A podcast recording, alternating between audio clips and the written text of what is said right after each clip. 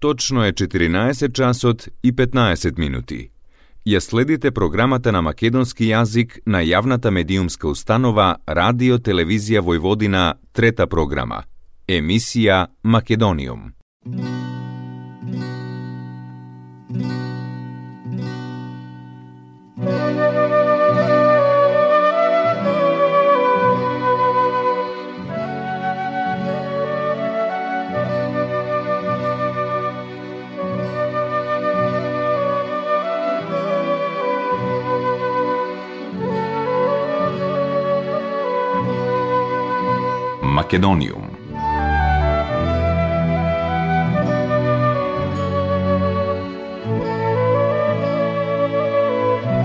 Добар ден и добре дојдовте во најновото издание на емисијата Македониум.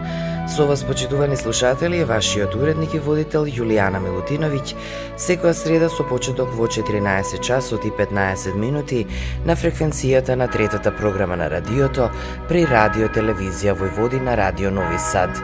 Емисијата Македонијум, почитувани слушатели, можете и одложено да ја слушате преку сајтот на радиото или пак на сервисите на Google и Apple.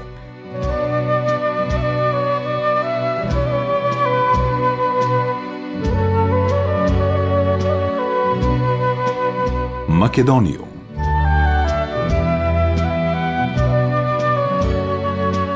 Чествувањето на двата значајни настани од историјата на македонскиот народ 11 октомври, денот на народно-ослободителната и антифашистичка борба и 23 октомври, денот на македонската револуционерна борба, Македонското здружение Македониум од Белград ќе го одржи утре со почеток во 19 часот во Пароград во Белград. Во рамките на програмата професор Сашо Дудевски од Скопје ќе одржи предавање на тема Македонското учење учество во југословенската дипломатија низ примерот на државите од Централна и Јужна Америка. Во соработка со Македонската кинотека ќе биде прикажан и документарниот филм Последниот македонец на Илија Пиперковски.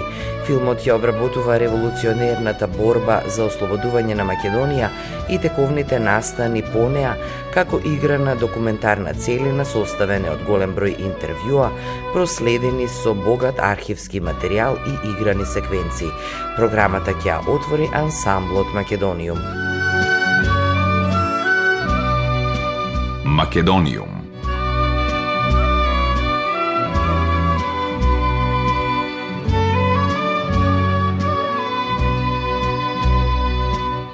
Македонскиот режисер Васил Христов ја поставува представата Лимениот барабан од германскиот нобеловец Гинтер Грас во Југословенско драмско позориште во Белград.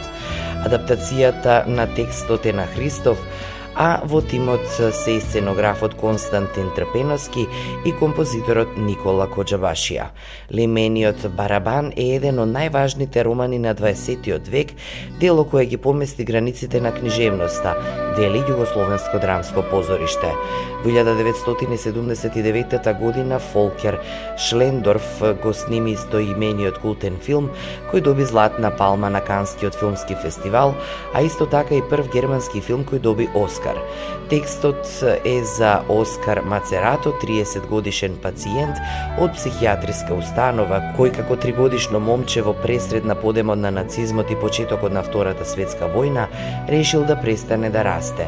Протестирајќи против возрастните, Оскар ги коментира историските настани од детска перспектива, представувајќи слика на светот кој се движи кон самоуништување. Играат Миодраг Драгичевиќ, Јована Беловиќ, Марко Јанкетиќ, Небојша Миловановиќ, Зоран Цвијановиќ, Јоаким Тасиќ, Ива Мануиловиќ, Лазар Ѓукиќ, Тамара Шустиќ и Теодор Винчиќ. Премиерата да се очекува во декември на големата сцена Љуба Тадиќ во Југословенско драмско позориште.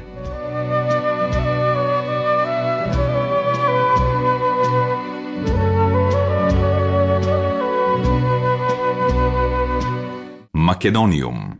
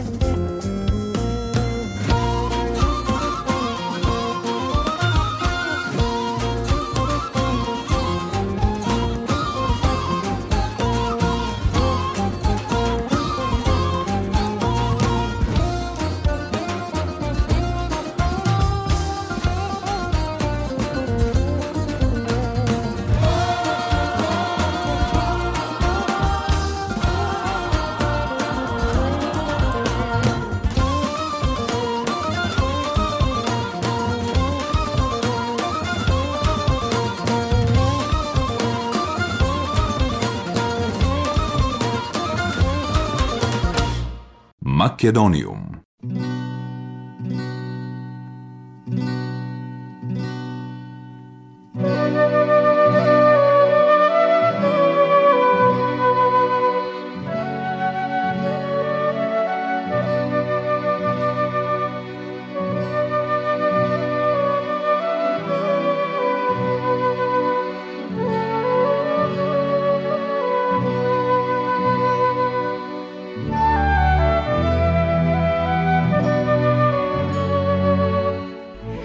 Медицинскиот тим која направи првата трансплантација на црн дроб во Македонија, професорот Африм Османи, уметникот Роберн Јанкуловски и писателот Блаже Миневски се годинешни добитници на државната награда 23 октомври, соопшти Македонското Министерство за култура.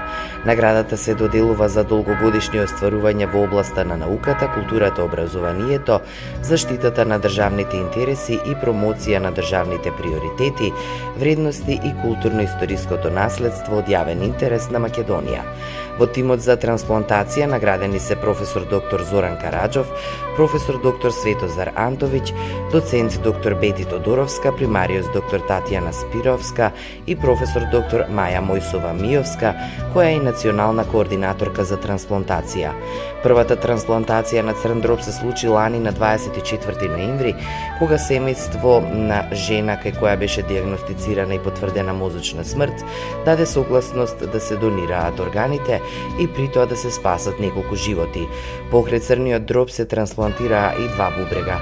Морам да признаам дека не беше лесно да се дојде до ова. Работевме многу, вложивме многу и еве успеавме сите заедно да отвориме едно ново поглавје не само во полето на дигестивната хирургија, туку и во македонското здравство. Горцум на мојот тим лекари и медицински сестри, како и на соработката која ја имаме со останатите тимови вклучени во трансплантацијата на соработката со Националната координаторка за трансплантација и со Министерството за здравство, рече доктор Караджов на 13 декември лани. Наградата ќе им биде врачена на добитниците на 23 октомври во понеделник во 12 часот во Македонското собрание.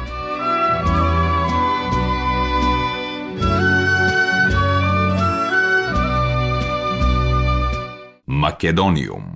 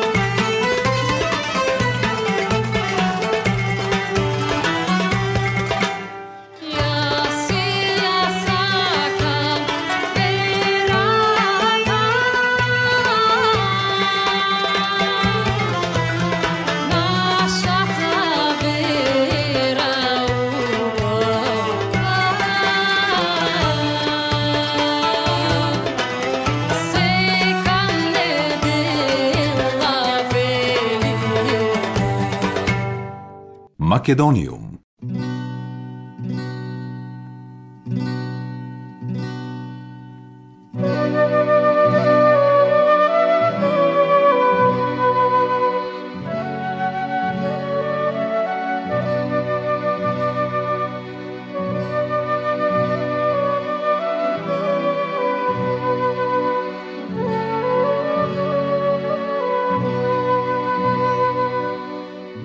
Денко Андоновски, кој што туку се закити со високата Толстоева награда, во својот драмски опус вклучи три нови драми – Мачки на глава, Кузбан Капидан и Изрешетани души, тематски различни, но слични според универзалната порака што ја носат. Се работи за неизведувани драмски текстови, освен изрешетани души, кој годинава беше изведен на традиционалниот сценско-театарски спектакл Големиот школски час во Крагуевац. Ферин Мухиќ пак, зборувајќи за пријателството со шарпланинецот Бигор, во филозофските раскази есеи, ги искажува своите најсуштински мисли за човечките односи, за верноста, за приврзаноста на кучето куќето, кое може да биде многу подобар пријател од човекот. Според професор доктор Ана Димишковска, оваа книга е трогателна сага за нераскинливата поврзаност меѓу човекот и песот, која спонтано прераснува во метафизичка ода на пријателството. Овие книги се дел од библиотеката 314, едиција која издавачки центар 3 ја посветува на домашните автори, одбележувајќи ја со бесконечната константа која зборува од името на незаменливата вредност на македонската литература.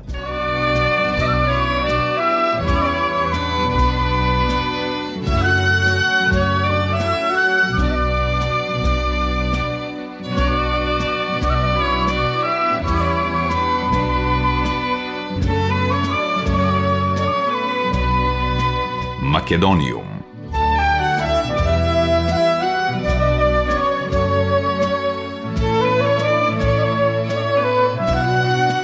Седум професии добиваат автоматско признавање на квалификациите во земјите од Западен Балкан, откако во Тирана беше подпишан договорот за мобилност. Со тоа професиите како доктори по медицина, стоматолози и архитекти, медицински сестри, ветеринарни хирурзи, фармацевти и акушерки ќе можат да работат во секоја од овие земји со признати квалификации, со што се подобрува пристапот на пазарот на труд. Вчера подпишаниот договор на лидерите на Западен Балкан во Тирана ќе треба да биде ратификуван од владите на сите земји и стапува во сила на 30-тиот ден од депонирањето на третото официјално известување за ратификација. Подпишувањето на овој договор една година откако лидерите подпишаа три договори за мобилност на самитот на Берлинскиот процес, што се одржа во германската престолнина минатата година.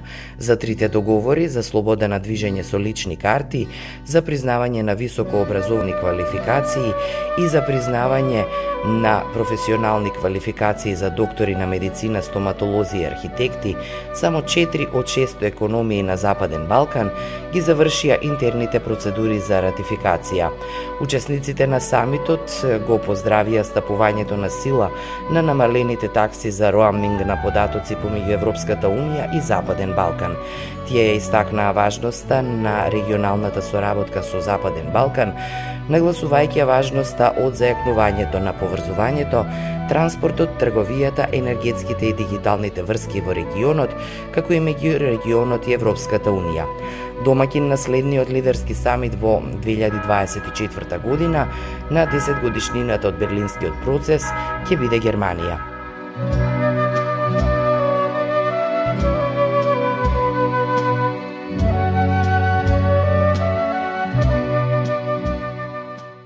Македониум.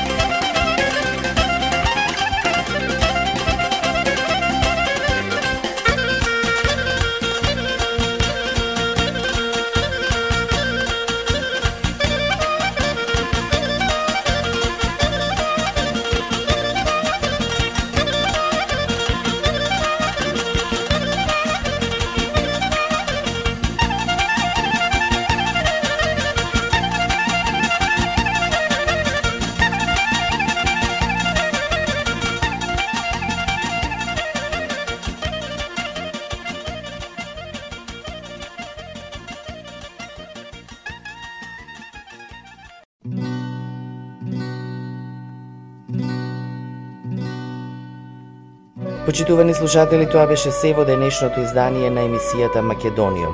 Не заборавајте, Македониум можете да ја слушате и одложено на сајтот на Радио Телевизија Војводина, како и преку подкаст сервисите на Google и Apple. Голем поздрав од вашиот уредник и водител Јулијана Милутиновиќ. До следната среда во исто време.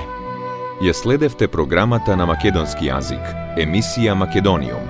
Главен и одговорен уредник Воин Поповиќ.